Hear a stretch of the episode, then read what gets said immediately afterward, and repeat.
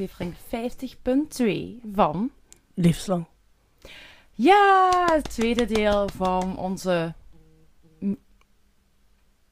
Oké, en daar kreeg Carlijn Een berichtje. een berichtje. Van mijn mama, sorry. Oké, dat is niet erg. Eh, Ik zet die nu maar even volledig op stil. Ja, sorry. Piep, pauze van al minuut. Oké, nee, goed. Sorry. Aflevering 50.2, wat betekent dat we verder gaan met het vervolg op het eerste deel van de Black Dahlia. Ja. Van, ja, Elizabeth Short. En dat betekent ook, ik ga het al meteen maar, maar zeggen, dat iedereen zich kan voorbereiden. Dat betekent ook dat dit de laatste aflevering Oh. wordt. Voor een maandje. Ja, zoiets. En dan zijn wij binnen vier weken Ja. terug. Yes. Goed. Hoe is het ermee vandaag? Ik ben ziek. Ja, Was ziek. je bent de hele week best eh, Niet goed. niet goed geweest. Nee. we hebben gisteren ook meer dan een uur zitten wachten bij de dokter van Wacht. Het was me een, eh, een momentje. Ja, een leuke namiddag. Ja, toch? Dus, ja, dat wel op zich, ja. Allee, eh, eh, ik, probeer, ik probeer positief te blijven. Net was kei gezellig gisteren. Allemaal Eh, rare mensen die we wachten. gingen normaal gaan eten met familie, maar Ja. in de plaats zaten we in de wachtzaal, ja. Het was gezellig. nou, oké. Goed. Over naar het woord van de dag. Ja. Ehm, hebben de vorige keer dus eh, de aanzet gegeven naar de zaak over eh, Elizabeth Short, eh, de Ja. bekende zaak uit Amerika. En daar gaan we vandaag mee verder, alvorens dat we er dus een maandje met de pootjes omhoog gaan liggen. I wish. Misschien even, ehm, voordat we beginnen, eens een recap van de vorige aflevering, want ik denk dat veel van de luisteraars er nog evenveel van zullen weten als jij. Als mij. Dat is ja. niet zoveel dus. Nee. Ehm, in, de, in het vorige deel hebben we gekeken naar eh, Het de- leven. het leven van Ja. Elizabeth. dat weet ik nog. De vondst van het lichaam, de autopsie ook, hè, waar dat het allemaal op wees. En dan hebben we eigenlijk ehm, een deel van het eerste onderzoek, hebben het eigenlijk het eerste onderzoek eh, gehad, Ja. een deel van, nee, volledig, totdat dat eigenlijk een cold case werd. Eigenlijk al, al een jaar, Vrij snel. vrij snel, al, al een paar maanden Ja, na eerst, het eerste, lichaam. ja, ik wil Ja. zeggen eerste paar maanden en toen was dat weer. Toen was het al een cold case. En dan ben ik gestopt met te zeggen dat het een jaar later, Ah ja, dat is juist, 48, iets terug zou komen. Maar daar had ik dus nog niks over gezegd. Dat Dus. Goed. recapitulatie, waar gaan we het vandaag vooral over hebben? Over wat er gebeurde na dat eerste onderzoek. Mhm. We gaan heel wat verdachten ehm, bekijken, theorieën. En een beetje ehm, ja, de volledige stand van zaak, hoe het vandaag de dag is. Hè? En dan, Ja. ja, dan zijn we weer verder. Dan zijn we weer een uurtje verder of zo. Zoiets. Goed, zullen we er dan maar aan beginnen gewoon. Yes.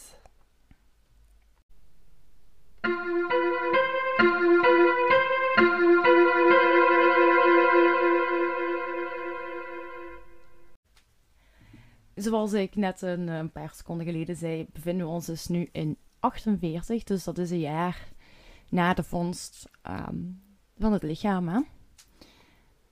Ik zie u zo heel blij Ja, ik, kijken. is Ja, dat waar had gezegd? ja, we Is zitten al- 48. Hè? Dus, Oké, cool. Ja, ik ben terug mee. goed.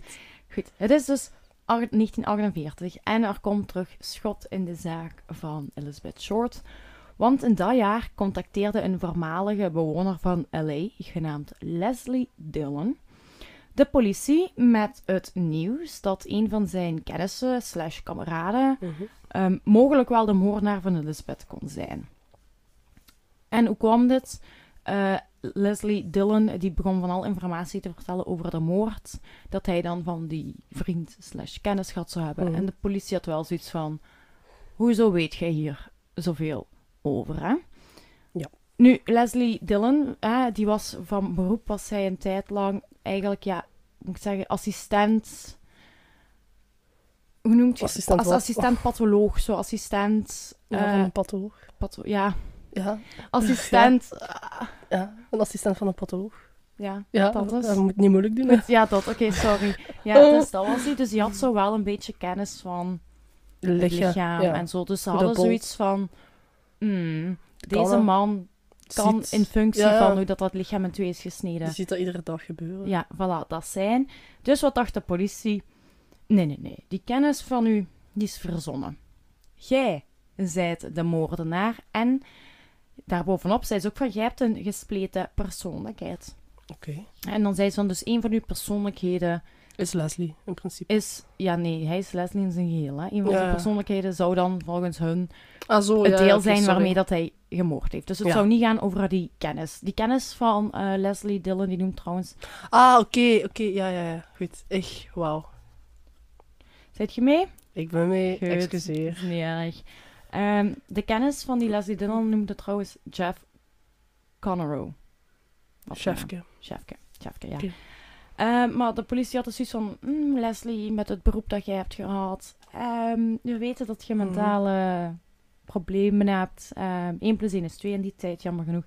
En wat zeggen zij? Eh, eh, eh, hij is de moordenaar, hè? Die, die, Ja. ons chefke, die heeft daar niks mee te maken. Chefke kan dat niet. Leslie Dillon weet het zelf, omdat hij de moordenaar is.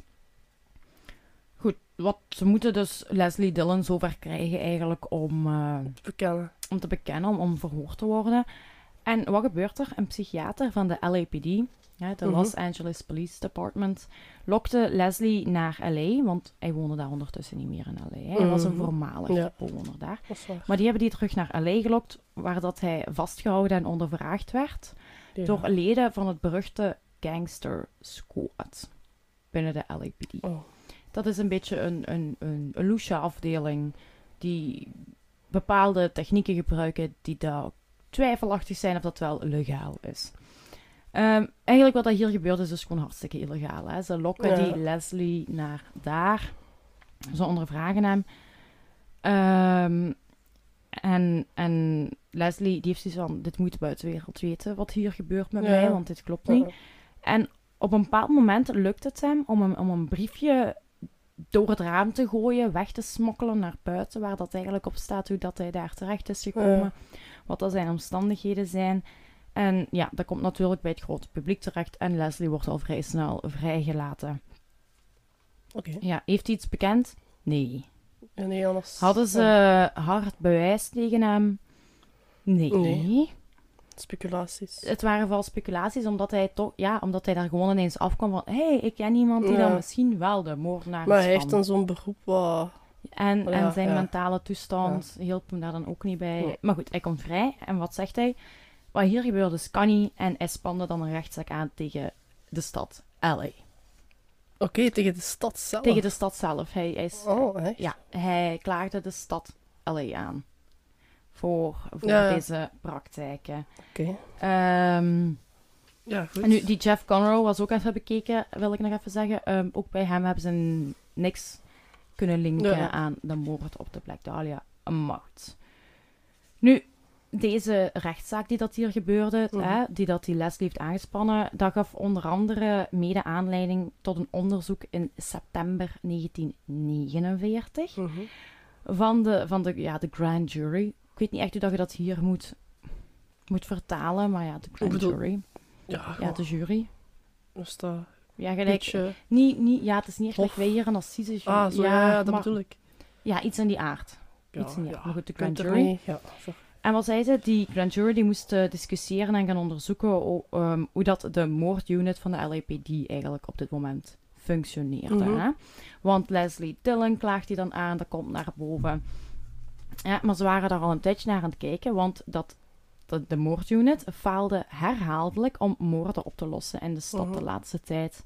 En dan voornamelijk die op vrouwen en kinderen. En ja, die van Elizabeth Ja, ja. haar zaak was dus een van die onopgeloste zaken in die periode dat het, ja, dat de moordunit eigenlijk stelselmatig Ja. de moorden op vrouwen en kinderen niet opgelost ja. kreeg. Of, dus, of de vraag was of dat ze wel voldoende moeite daarin staken in die moorden Dus op te lossen. Hè. Maar daar dus, eigenlijk door dat heel spel wat met die Leslie Dillon gebeurd is, ehm, komt dat naar boven en komt dat ook mee in de zaak tegen eigenlijk de LAPD, van waar Ja. gaan onderzocht wordt van moeten jullie misschien niet meer gaan doen om deze onopgeloste moorden toch nog proberen op te lossen. Het is gaan herbekijken en zo. En Elizabeth, haar zaak was daar dus één van.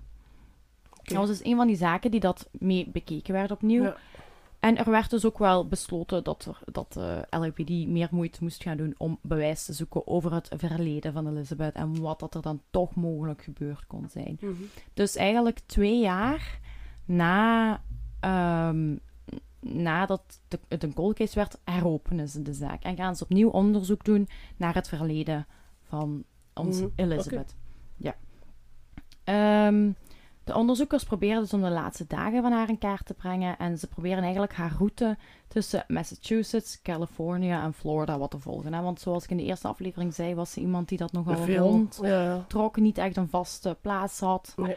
Ehm, dus ze probeerden dan allemaal nog wat te volgen. Er worden dan ook nog kennissen van haar verder ondervraagd, in zowel Texas als in New Orleans. Mhm. Maar voor zover dat ik heb kunnen vinden, is daar helemaal niks uitgekomen. Nou, ze hebben dat dus Ja, wel ja. opnieuw onderzocht, maar daar is niks uitgekomen. Want er waren ook zoveel verdachten. Er waren zoveel mensen die dat bekend hadden. Hè. Ik heb dat in de vorige aflevering al ja, gezegd, dat er gewoon zomaar, valse ja. bekentenissen binnenkwamen. Hè, die bleken dan niet waar te zijn. Ehm, wat maakte dat, dat de LAPD dan natuurlijk heel veel tijd verloor aan, aan bepaalde leads te volgen die dat dan misschien niet waar waren. Hè, en het lukte dus uiteindelijk gewoon niet om nuttige informatie te krijgen. Mhm. En wat zegt de politie? Het zou de politie niet zijn als ze de schuld niet zouden proberen te steken op een ander. Zij zeggen, eh, dit is de schuld van de media. Volgens hen, ja, de media had zoveel gepubliceerd en zich zo gemoeid in het onderzoek.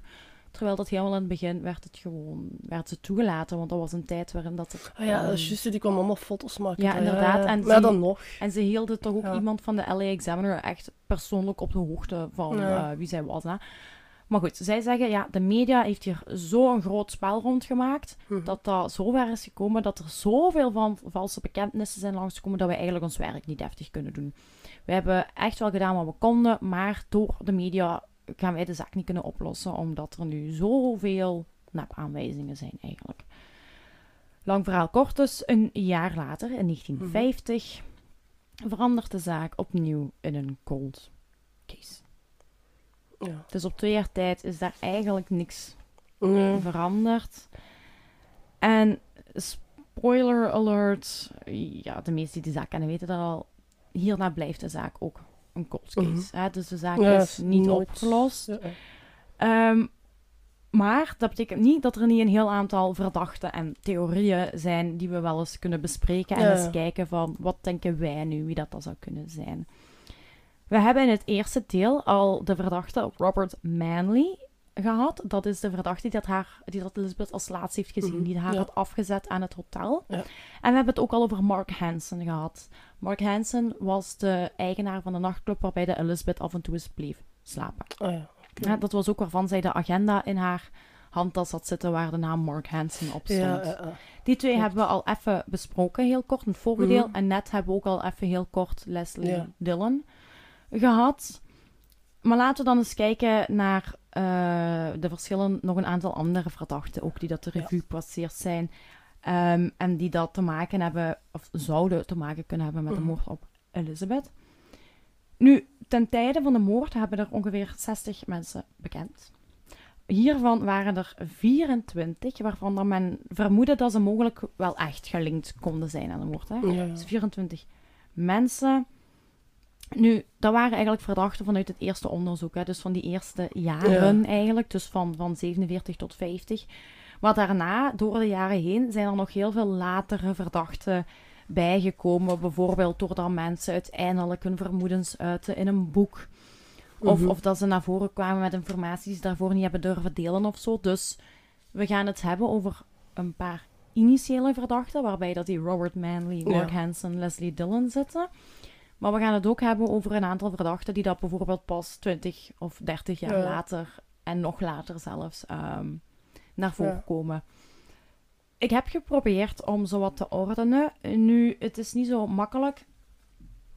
Ehm, dus heb ik eigenlijk... eh, ja, het gaat eigenlijk een beetje een mi- mismatch, mix, Niks. mixmatch zijn. Dus soms gaan het... Hier Ja, van... het gaat dus ene zijn die wat later aan bod komt. gaat dan niet in iets- Het volgorde. gaat niet in volgorde zijn. is Sorry, want dat is gewoon heel moeilijk. Dank u, dat is wat ik wil zeggen. Goed zo. Ja, goed. Ehm, de eerste. Ik wil nog heel even terugkomen op Leslie Dillon en Mark Hansen. Oké. Hè, dus die van net en van de vorige aflevering. Want er is een theorie waarin dat deze twee aan elkaar gelinkt zouden worden. Ja. Kan. Er is namelijk een theorie dat stelt dat er niet één, maar mogelijk drie mensen verantwoordelijk waren voor haar dood. Mhm. Sommigen geloven dat Leslie en zijn vriend Jeffke hè, daar in opdracht van Mark werkte eigenlijk. Eh, en waarom denken mensen dat? Leslie heeft in het verleden effectief voor die Mark Hansen gewerkt. Oh, ja. Dus dat maakt eigenlijk dat ze zoiets hebben van het zou kunnen. En wat zegt deze theorie? Leslie en Jeffke die zouden Elizabeth vermoord hebben in het Astor Motel, waar dat Leslie op dat moment verbleef. Mhm. De eigenaars van dat motel bekenden ook later dat ze effectief een kamer vol bloed en uitwerpselen hadden gevonden ten tijde ehm, van de moord. Maar om de een of andere manier hebben ze daar toen niks, van gezegd. gezegd. Ja. Ja, wat ik ook raar. Waarom zeg je... ja. Je komt een kamer tegen vol bloed en uitwerpselen en je, je zegt gewoon... Maar, Dat uit- is niet zo belangrijk. maar uitwerpselen, ja. Ja. Dat is nogal... Ja. Ja. Ja. Ja, ik... ik... Het is vaag. Het is Ja, vaag. Hè? En, en, en er is, dus, dit is ook maar een hele, hele korte theorie, hè? Ja. Ehm, Nu, Leslie, die verbleef dus in dat model, maar wat had een getuige gezegd? In dat motel. Ja, Sorry, geen hotel, in een motel. Eh, er is ook wel een getuige geweest die zich herinnerde dat hij een donkerharige vrouw in het gezelschap van Mark had gezien bij dat motel waar Mhm. dat Leslie dus Ja. tijdelijk, ja, sliep. Ja.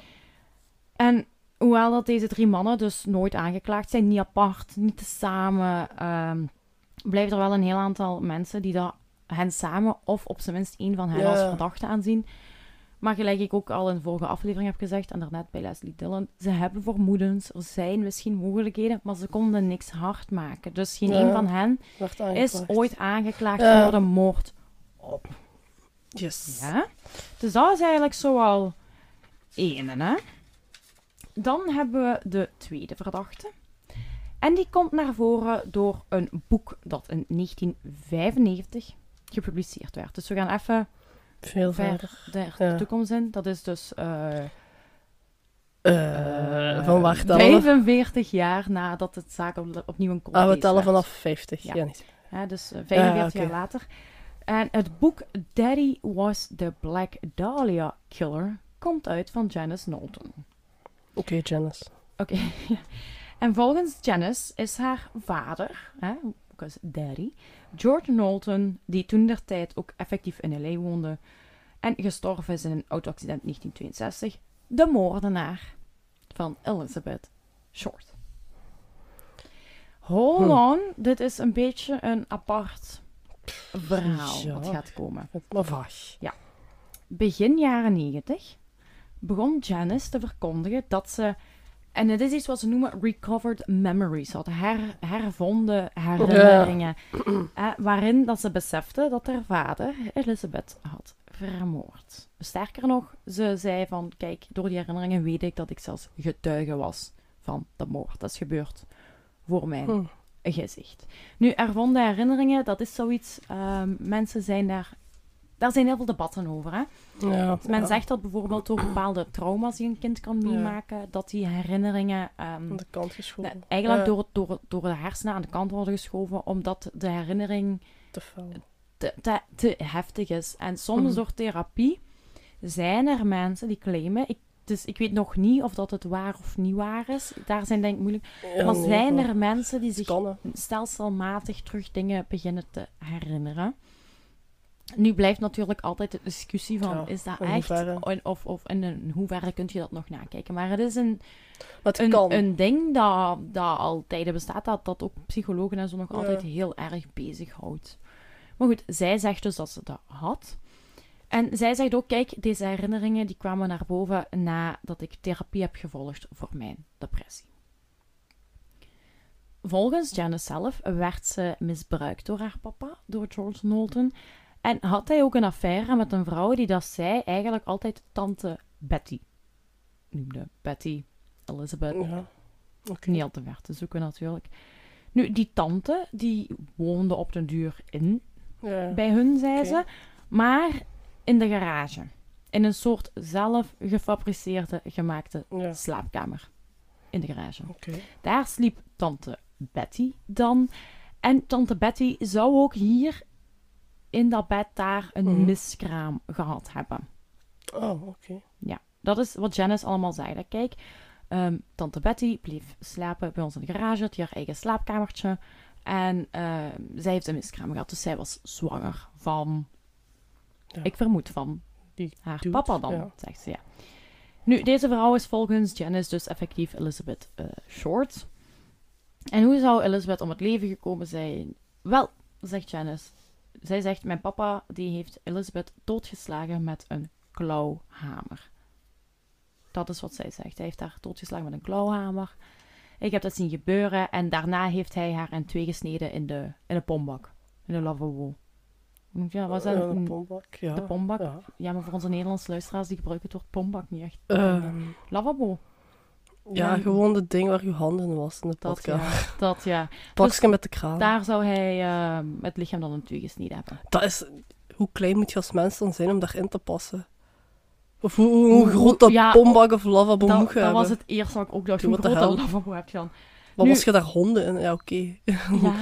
Snap je? Zo'n hondenkapsalon, die hebben van die heel grote bakken, hè? Ja, Snap je? Klopt, klopt, klopt. Dat is zo. Maar ik weet niet of toen al hondenkapsalonnen be- bestonden. Nu ben ik ja. even een beetje verder aan het denken, maar dat, Nee, inderdaad. Maar dat was ook mijn eerste gedachte. was ook van, een grote pombak heb je ja.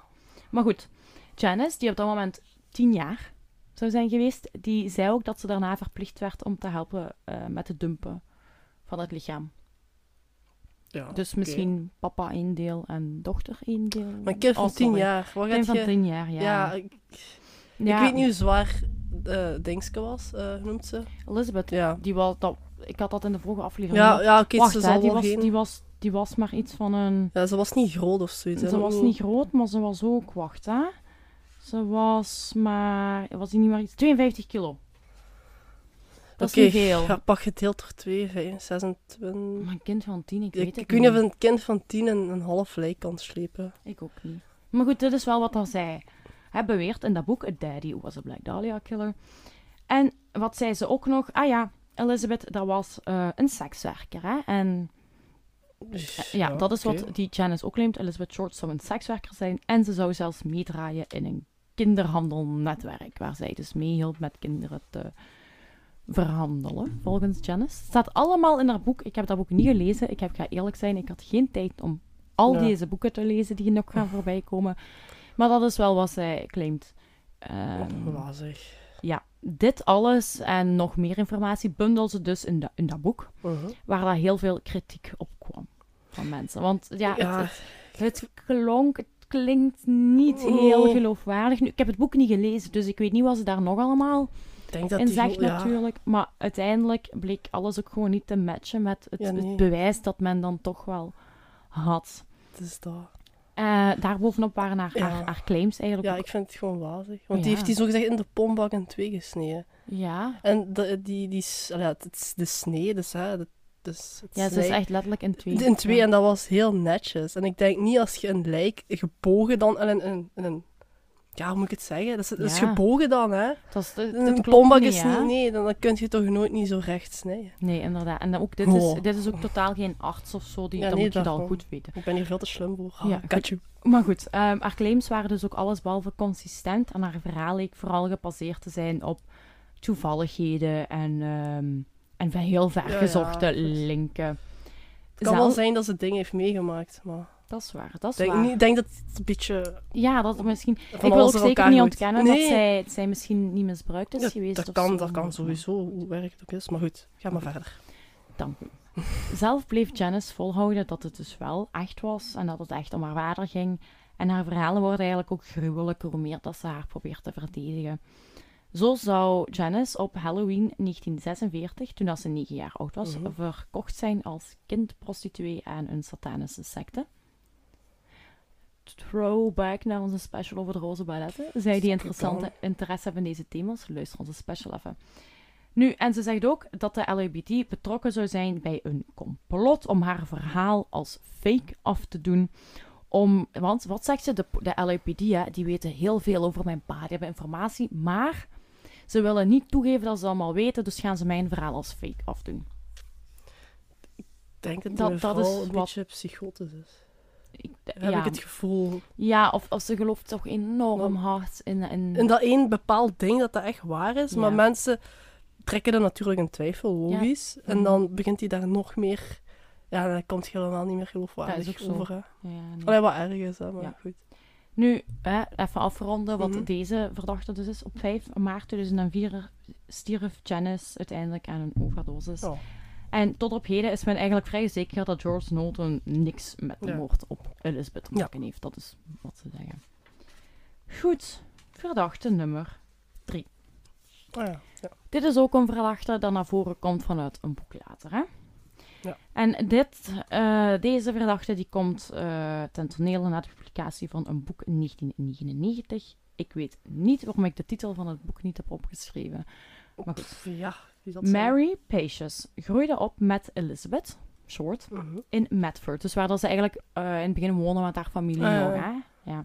En nadat ze eigenlijk alle roddels had gehoord over het, over het sekswerk wat Elizabeth zou doen en, en hoe losbandig ze zou zijn, had Mary zoiets van: nee, die roddels zijn niet waar, zo was Elizabeth niet. En die besloot dus eigenlijk om haar eigen onderzoek te gaan doen om die roddels te kunnen ontkrachten. Dat er dus geen sprake was van sekswerk, terwijl dat, dat laten we eerlijk vandaag de dag al hoog, allee, 90% zeker is dat dat inderdaad niet waar is. Dat dat, Ja. niet is gebeurd, want er is geen nul bewijs dat ze Ja, dat maar ze dat heeft gedaan. heeft gedaan. Maar goed. Je weet nooit, hè.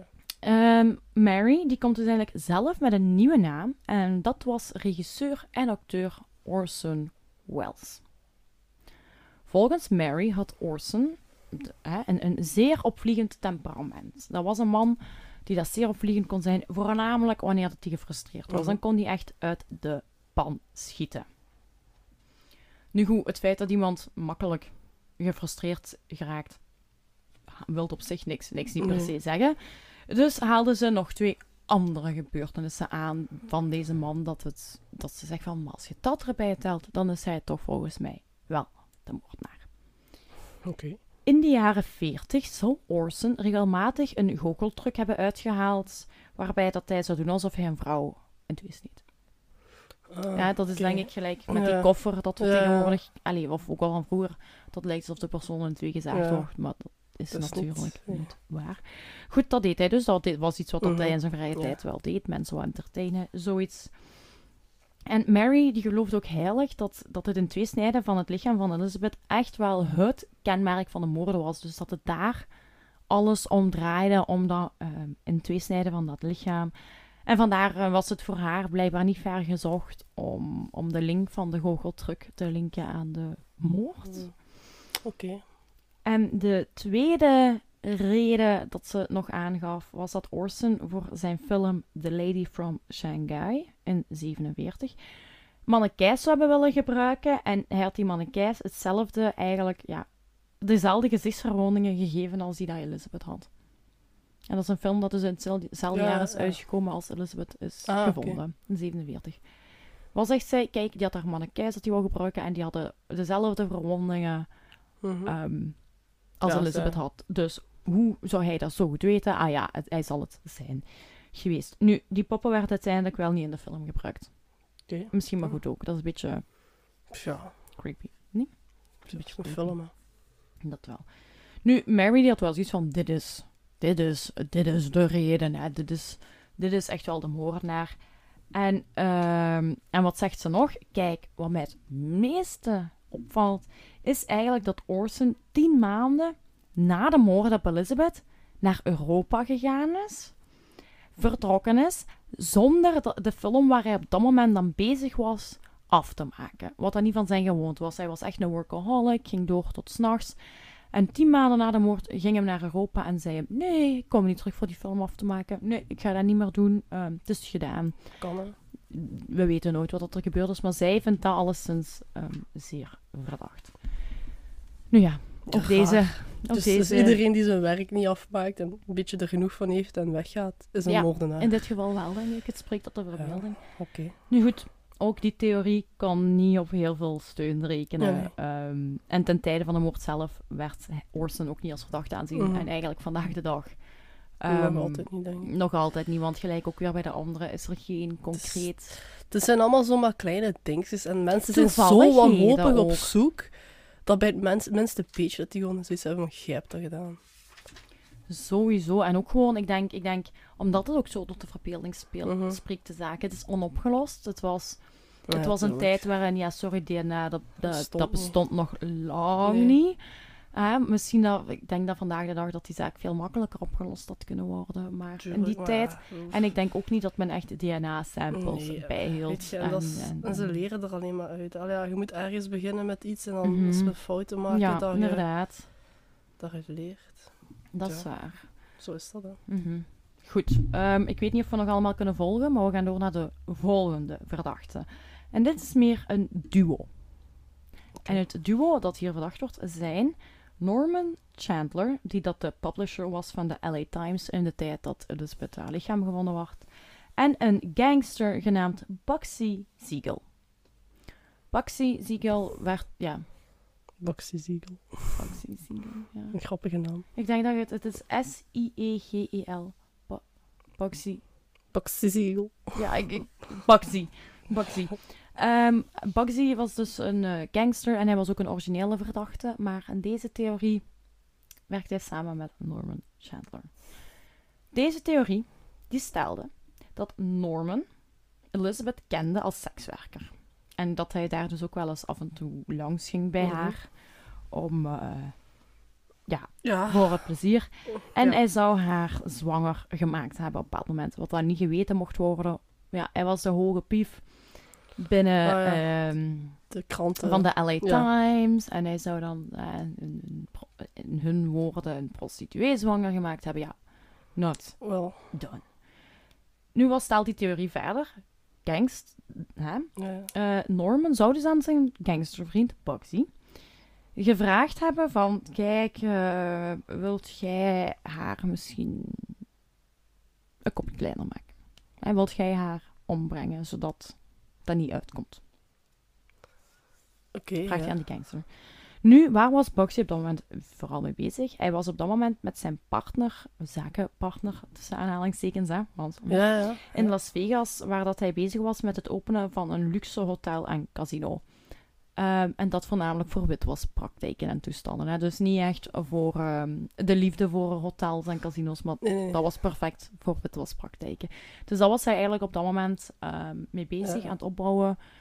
Dat, op dat moment dat dan die Norman gevraagd zou hebben van... hey, ik heb een probleempje. Ik heb uw hulp nodig met deze vrouw die dat zwanger is van mij.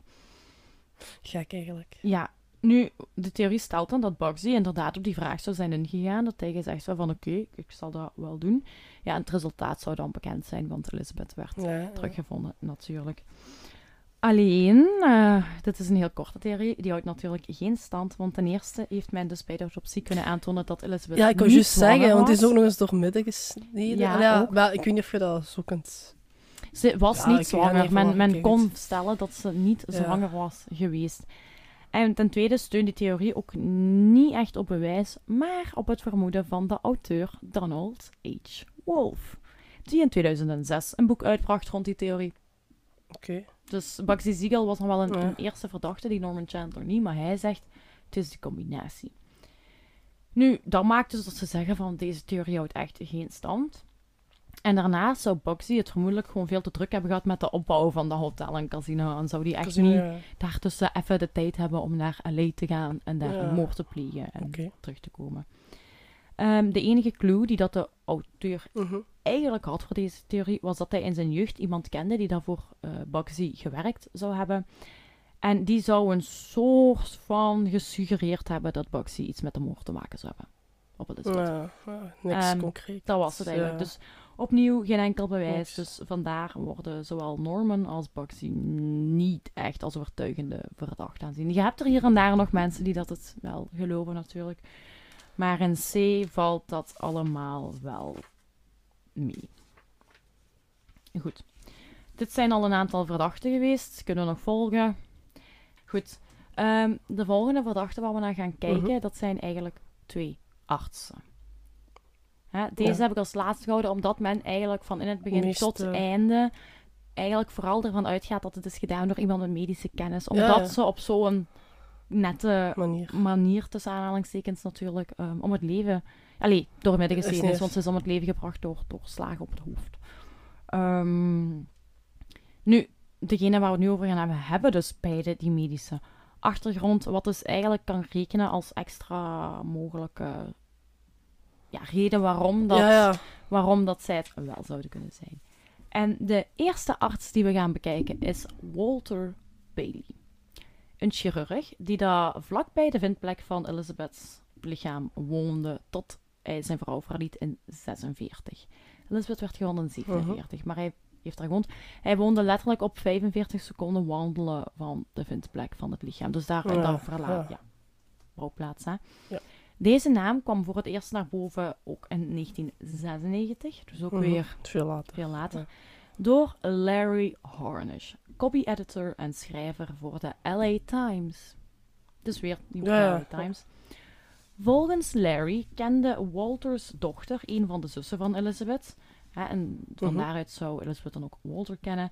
En Walter die had een bureau vlakbij het, allee, of zijn praktijk, vlakbij het Biltmore Hotel, waar dat Elizabeth voor het laatst werd gezien. En waar dat Robert Manley haar had afgezet en wat daarna gebeurd is, Mhm. weet niemand Ja. meer.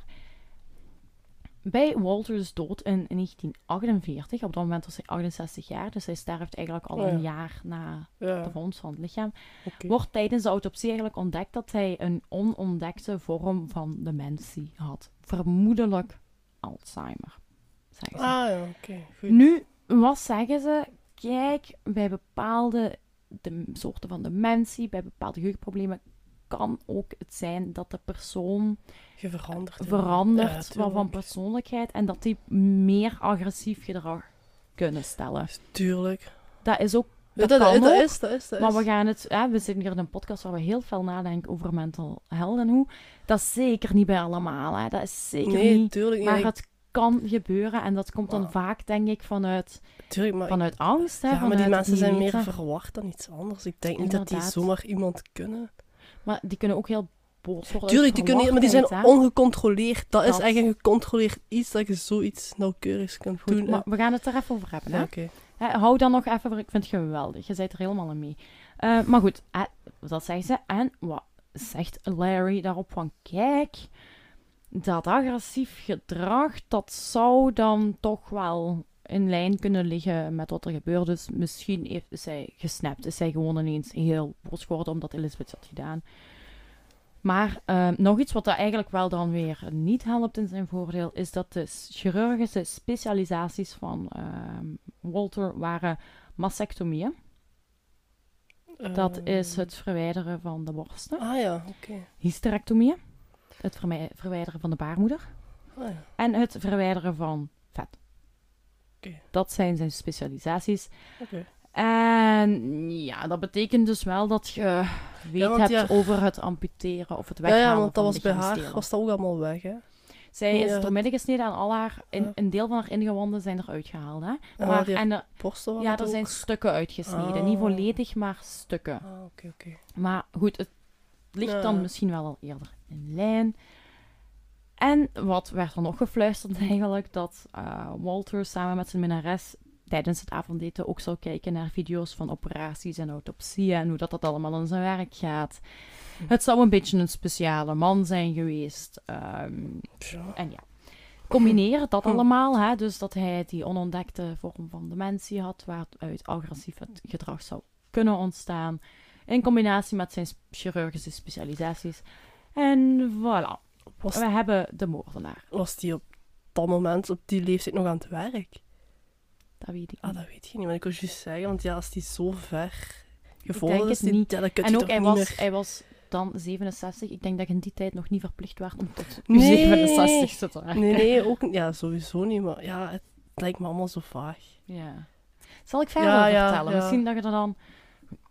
Nu, daar, zijn ook, daar komt ook heel veel tegenwind tegen. En er zijn mensen die zeggen van... Kijk, Walter Bailey kon simpelweg niet in staat zijn tot die moord... omwille van hoe dat hij er zowel mentaal als fysiek Ja, aan toe was. Hij was ouder, hij was Daarom, en die zal... verward. Het ging niet... ehm, maar hier hadden dan anderen weer een tegenverklaring voor. Hè, waarom dat het wel hij zou kunnen zijn. Tijdens het originele onderzoek dachten een aantal van de speurders namelijk dat het lichaam van Elizabeth in twee was gesneden om het, om het te verlichten eigenlijk, omdat de moordenaar misschien niet sterk genoeg was om dat lichaam in één keer te dumpen. Dat is Ja, Dat is- ik ja, weet ook niet of ik niet, dat is nogal dat- breed gesold. Ik heb wel zo, ja, maar goed, dat, dat is dus een van de, van de dingen waar ze wel over dacht van, kijk hè. Mhm. ehm, en dan zeggen ze, als dat lichaam effectief in twee is gesneden omdat het anders te zwaar was, dan kan die Walter dat wel perfect gedaan hebben. Dan is hij daar wel toe in staat Ja. geweest. Dus dat valt dan misschien nog te verklaren. Ehm, maar goed, eigenlijk weten ze het ook weer niet zeker. En daarna, daarnaast was er wel nog iets wat dat het vermoeden van zijn betrokkenheid groter maakte. Want vlak na zijn dood zou zijn vrouw, de weduwe dan, gezegd hebben Ja. dat Walter een vreselijk geheim met zich meedroeg, waar ze nooit iets over mocht zeggen. Sommigen dachten dat hij misschien abortussen uitvoerde, wat in die tijd sowieso illegaal was. En dat dat misschien het grote geheim was. En, ehm, Dat denk ik eerder. maar dit heeft men kunnen weerleggen. Hij hield zich niet Ja. bezig met abortussen. Oh, Oké, oeps. En dan hebben ze zoiets van, oké, misschien is dat geheim dan toch wel effectief dat hij de moordenaar is van Elizabeth Short. En wat zeggen ze dan? Zou Elizabeth hem gekend hebben? Hè? Misschien was ze wel een patiënt van hem, wie weet. En zou ze misschien iets gezegd hebben wat dat hem echt heel boos heeft gemaakt? Sommige mensen die denken dat, ze, dat Elizabeth zou hebben gelogen over het feit dat ze een, eh, een zoontje had die jong gestorven was. Mhm. Dat zou ze tegen die Walter gezegd hebben. Maar Walter die was daadwerkelijk een zoon op jonge leeftijd verloren. Mhm, En ze zeggen dan, kijk, op het moment dat hij dan achter die leugen eh, zou komen, zou hij, zou hij misschien ja, doorgeslagen zijn daarop. Zou hij daar fel op gegaan zijn. Eh, En, en dan zeggen ze, ja, kijk, en het lichaam werd uiteindelijk wel echt vlak bij zijn huis gevonden. Zou het kunnen, zou het niet kunnen? Hij werd alleszins ten tijde van het eerste onderzoek niet als verdachte aanzien. Eh, en vandaag de dag neigen de meesten nog naar zijn onschuld. Maar dit is alleen een wie dat ik iets meer twijfel. Ik niet. Niet, niet in de zin, ik denk ook wel dat zo'n... Ik denk het niet. Ik weet ook niet of een man van, van 768 in staat is om dat te doen. Hij is een, een, een jaar nadat zij dood teruggevonden is, is hij ook... Dus ja, het, het kan snel gaan met dementie, maar ik denk in, in, in een tijdspanne van een jaar dat je dan iemand leert kennen, dat je die dan direct kunt vermoorden en dat je daarna een jaar later sterft aan de gevolgen van dementie. Dat lijkt me... Ja, raar. Ja, Dat is allemaal te kort op één. ik weet, dat kan wel heel snel gaan, maar iets in mij neigt ook naar van, ik weet niet of die man daartoe in staat is geweest. Om dat Nee, daarom. Ik denk het ook niet. We gaan nu naar de laatste verdachte. En als ik het zelf mag zeggen, I saved best for last. Want nu gaan we het hebben over een andere arts. En ene die dat ook ten tijde van het originele onderzoek een verdachte was. Ah, ah oké. Oké, dus dit is ene die dat al van in het begin Ja. Als verdachte aanzien wordt, maar later nog eens terugkomt. Hij hoort, de, de persoon wie we het gaan hebben, hoort vandaag de dag nog altijd bij de topverdachte. Dus wordt nog altijd aanzien door de meeste mensen als de waarschijnlijke moordenaar. Mhm. We zullen eens zien of dat jij daar hetzelfde van denkt na de uitleg. Ik heb het over Dr.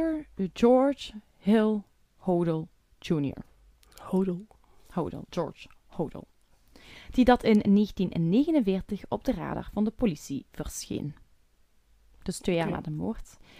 In oktober 1949 beschuldigde, beschuldigde zijn 14-jarige dochter hem van seksueel geweld en misbruik. En dat werd Mhm. ook bevestigd door drie mensen die dat effectief wel kon zeggen van Ja. hij doet dat inderdaad, wij weten dat dat thuis gebeurt. George Hodel werd hiervoor ehm, voor de rechter gesleept, Ja. maar hij kreeg geen straf. Hij werd niet gestraft ervoor, want er was ehm, te weinig bewijs. Ik denk dat dat zeker een tijd is waarin dat... ehm, Het is niet veel veranderd naar nu. Nee, eigenlijk niet. Nee, we gaan gewoon door. Ja, Dat, klopt, inderdaad. Ehm, nu, hij kreeg daar dus op dat moment geen straf voor, maar het brengt hem wel op de radar van de onderzoekers die bezig zijn met de zaak van Elizabeth. Want eh, George Hodel was namelijk een arts. Wederom heel Mhm. belangrijk omwille van eh, het lichaam van Elizabeth. En zijn dochter zou geclaimd hebben dat hij wel degelijk de moordenaar van Elizabeth was.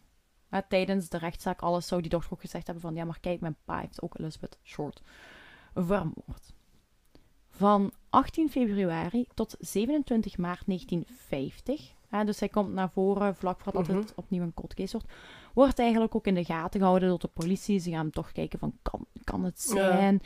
Ze, ze luisteren hem ook bij zijn thuis af. Hè, daar hangen ze microfoontjes, zodat ze zijn gesprekken kunnen volgen. Ja. En op een bepaald moment ehm, gebeurt daar toch iets raars. Op een bepaald moment horen ze een vrouw schreeuwen. En Ja. opnieuw. En dan horen ze George Hodel zeggen tegen iemand van... Kijk, ehm, ik heb dit niet opgeschreven. Ik weet niet waarom, dus ik probeer het Ja. even zo goed mogelijk terug eh, te herinneren. Zou iets gezegd hebben van... Kijk, ehm, ik had geen andere keus. Het moest gebeuren. eh, ze moeten weg. Kom maar halen. ehm, ik kon er niks aan doen. Dat horen ze. Maar goed, dat is heel raar. Heel maar men heeft nooit niet kunnen plaatsen van hoe Ja. of wat. En een andere opmerking dat hij maakte eh, ook nog was, en ik quote... Stel dat ik de Black Dahlia vermoord heb. Dan kunnen ze het nu toch niet bewijzen. Ze kunnen niet met mijn secretaresse praten, want die is dood. Ze dachten dat er iets louche aan de gang was. Hoe dan ook, nu hebben ze het misschien ontdekt. Misschien heb ik echt wel mijn secretaresse vermoord. Rare uitleg. Raar, eh, raar gesprek, hè? Was die... Dus wat zegt hij van, kijk, zelfs als ik de Black Dahlia vermoord zou hebben, kunnen ze het niet natrekken, want mijn secretaresse is dood en die kunnen ze het niet gaan vragen. Ah, oké, dacht dat En- het zijn secretaresse Nee, ah, nee, ja, nee. Ja, ja. Ehm, maar wat is daar dus gebeurd? Eh, we even schetsen. Ehm, volgens het officiële rapport was dus die secretaresse van George Hodel overleden door een overdosis. En werd hij eigenlijk gezien als een zelfdoding. Maar er, er blijven eigenlijk twijfels. Zij Want- kan dat ook gegeven hebben. Ja, inderdaad, want wat werd er gezegd? Er werden documenten ontdekt waaruit men eigenlijk kon opmaken dat de secretaresse George Hodel wou exposen voor het expres misdiagnosticeren van zijn patiënten, waardoor dat hij ze ook liet betalen voor medicatie en onderzoeken die ze niet ja. nodig hadden. ehm, Ja, ja. eh, en, en, en ze hadden eigenlijk documenten ontdekt, de politie waaruit bleek dat die secretaresse dat wou doen. Dus misschien Ja. reden genoeg voor George Hodel om zijn secretaresse ja, te vermoorden. dat kan. Maar helaas, ook, ook hier gaan ze eigenlijk weer in kijken en verder kijken. Maar ook hiervoor wordt hij eigenlijk vrijgesproken als verdachte door gebrek aan bewijs. Dus ze kunnen hem ook niet zeker linken aan de moord op zijn secretaresse.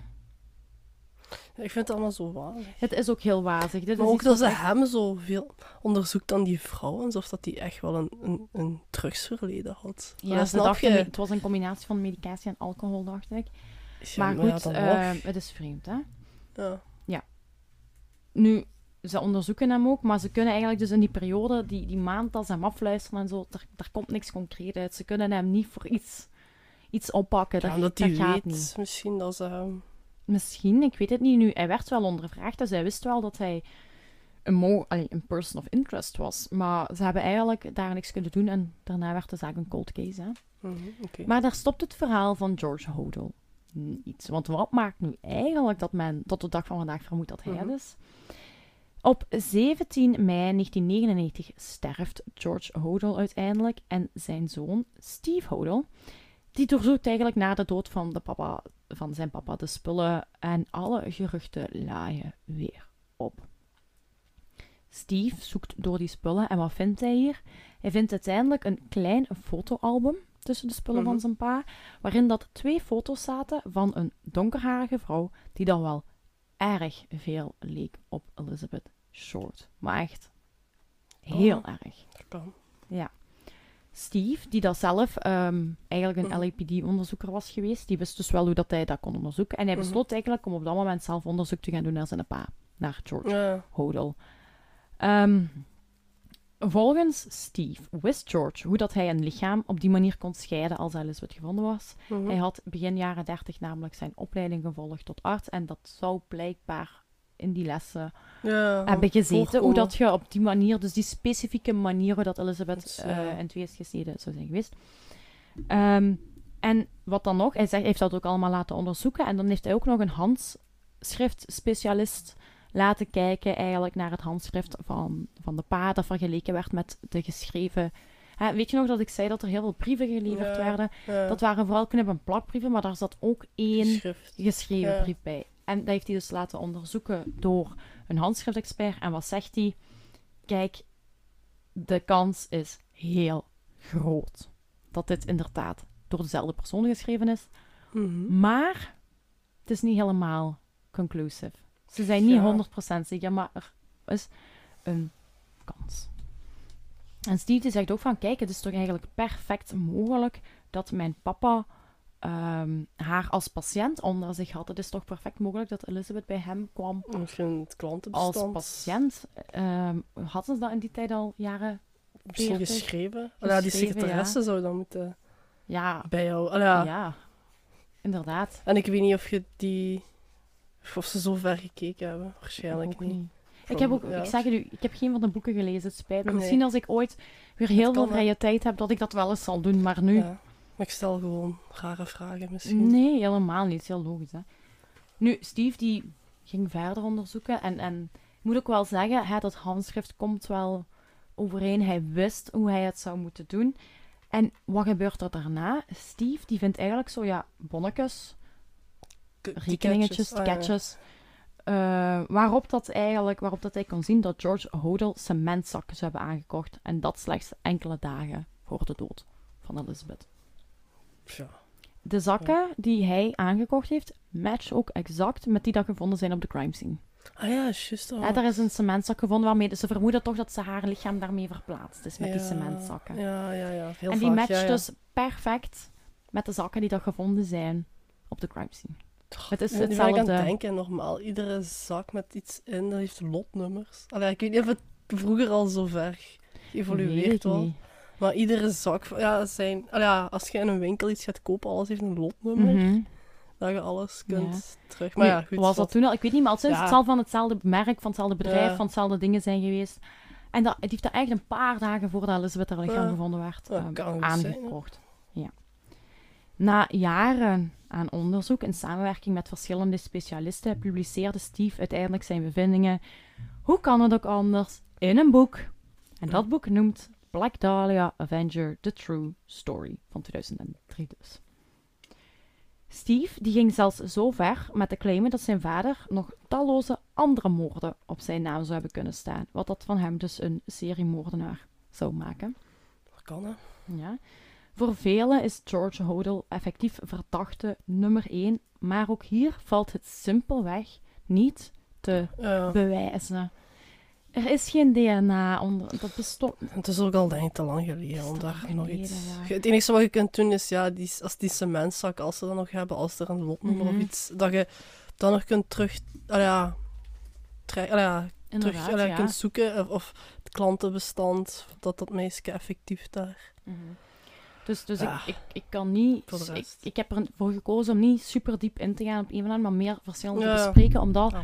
uiteindelijk is elk verhaal op het einde hetzelfde. Ja. We weten het niet Nee. zeker, maar George Hodel wordt vandaag de dag nog altijd gezien als een hoofdverdachte.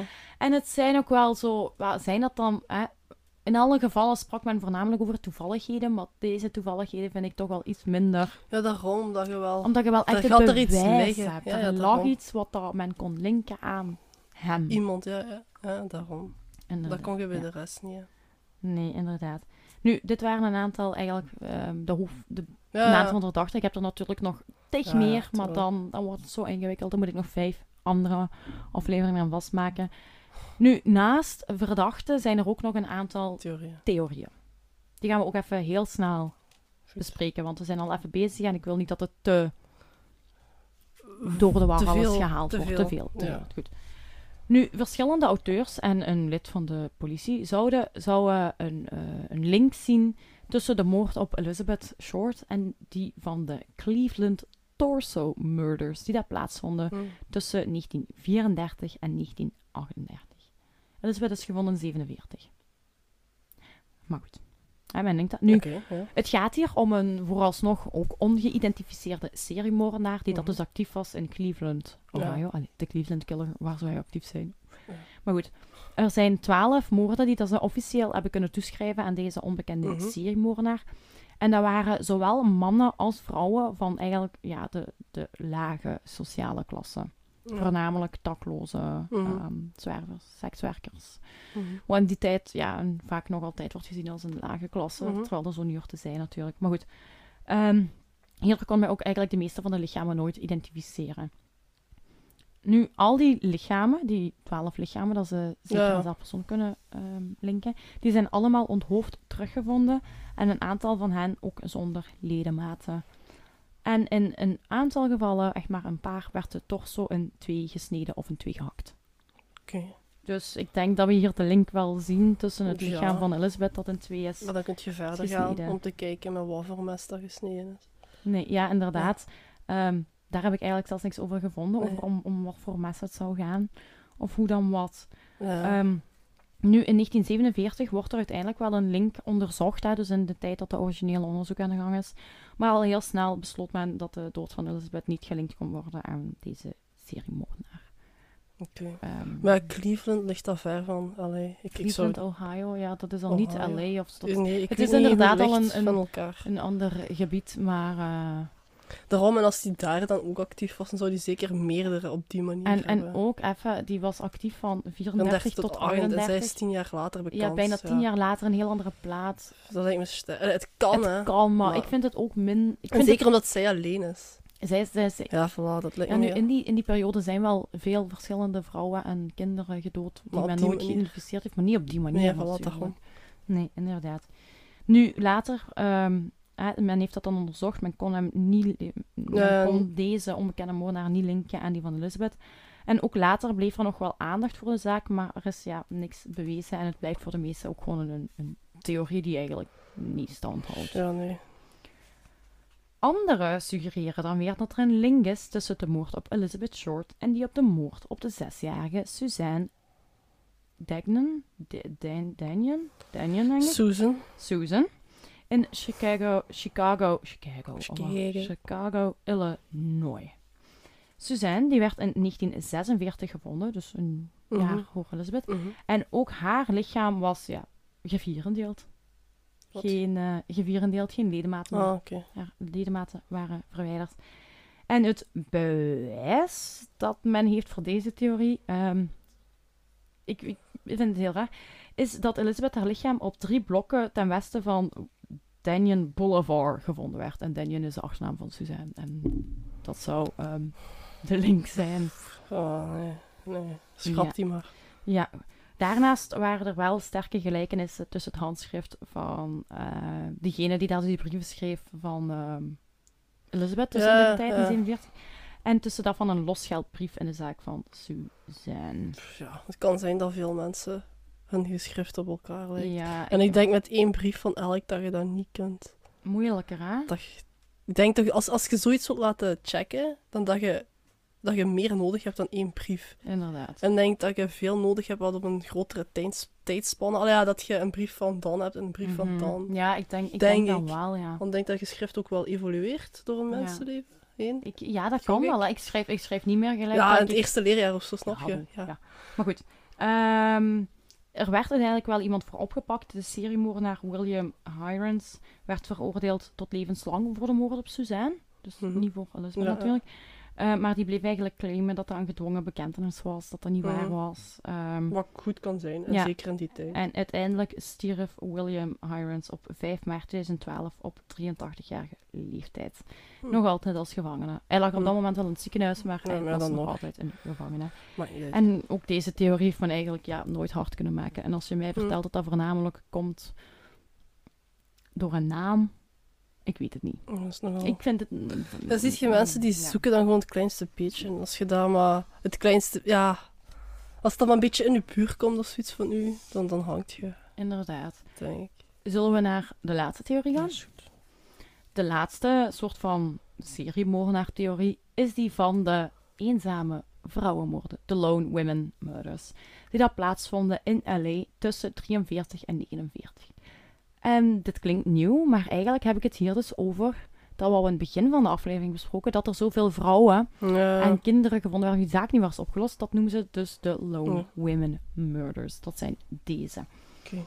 Er zijn meer dan twaalf onopgeloste moorden gepleegd, waarbij dat het eigenlijk allemaal aantrekkelijke vrouwen waren tussen de leeftijd van 15 en 48 jaar. En die zijn dus ook allemaal ja, vermoord teruggevonden. En al die lichamen zijn ook op intieme plaatsen verminkt, net zoals bij Elizabeth. hè. Er waren Ja. stukken uit haar borsten gesneden, uit haar tijen. Ja. Ehm, en al deze moorden ook. Mhm. Ehm, men vermoedde eigenlijk dat het het werk was van een onbekende seriemoordenaar. Maar ja, geen enkel van deze moorden werd ooit Ja. apart opgelost. Laat staan dat ze er hebben kunnen linken. En dus werd er ook nooit een dader gezien. Maar dat zijn dus eigenlijk die moorden in L.A. die daar gebeurden. Dus wel perfect tussen de periode 43-49 is perfect tussen de periode bij Elizabeth. Maar ja, ze hebben er geen één van opgelost. Ehm, Mhm. dus ja, dan kun je ook niet echt Nee, nee. spreken over een, een eventuele link of zo. Maar goed, tot nu toe blijft dat allemaal dus eigenlijk eh, pure speculatie. En ja, zoals ik al heb gespoord, weten we tot op de dag van vandaag niet Ja. wie dat de moordenaar van Elizabeth Shore is. We weten niet wat dat er exact met haar is gebeurd. We weten niet waar dat ze de laatste week verbleven is, wat dat er gebeurd is. En de zaak is dus al sinds 1950 en nog altijd een cold case. En het spreekt ook voor velen nog altijd Mhm. tot de verbeelding. Ik denk dat dat het, de kop boven steekt, de verbeelding. Ja, dat vooral aan. En gewoon, Dat is net zoals al, al in het eerste deel dat ik zei dat men zo speculeerde dat ze, ik weet niet hoe een wild leven gehad zou hebben, terwijl Ja. er heel veel dingen ook niet van, waar van zijn. aangetoond konden worden eigenlijk. Hè? Daarom. Ja, het zal altijd denk gewoon iets, ja, moet Ja? Iets zijn, ja. Iets wat je niet weet en waar je dan zelf je eigen fantasie Zeker. de loop laat gaan. En- Om het af te ronden, nog even een paar kleine dingetjes. Elizabeth ligt begraven op de Mountain View begraafplaats in, Oak- in Oakland, Californië.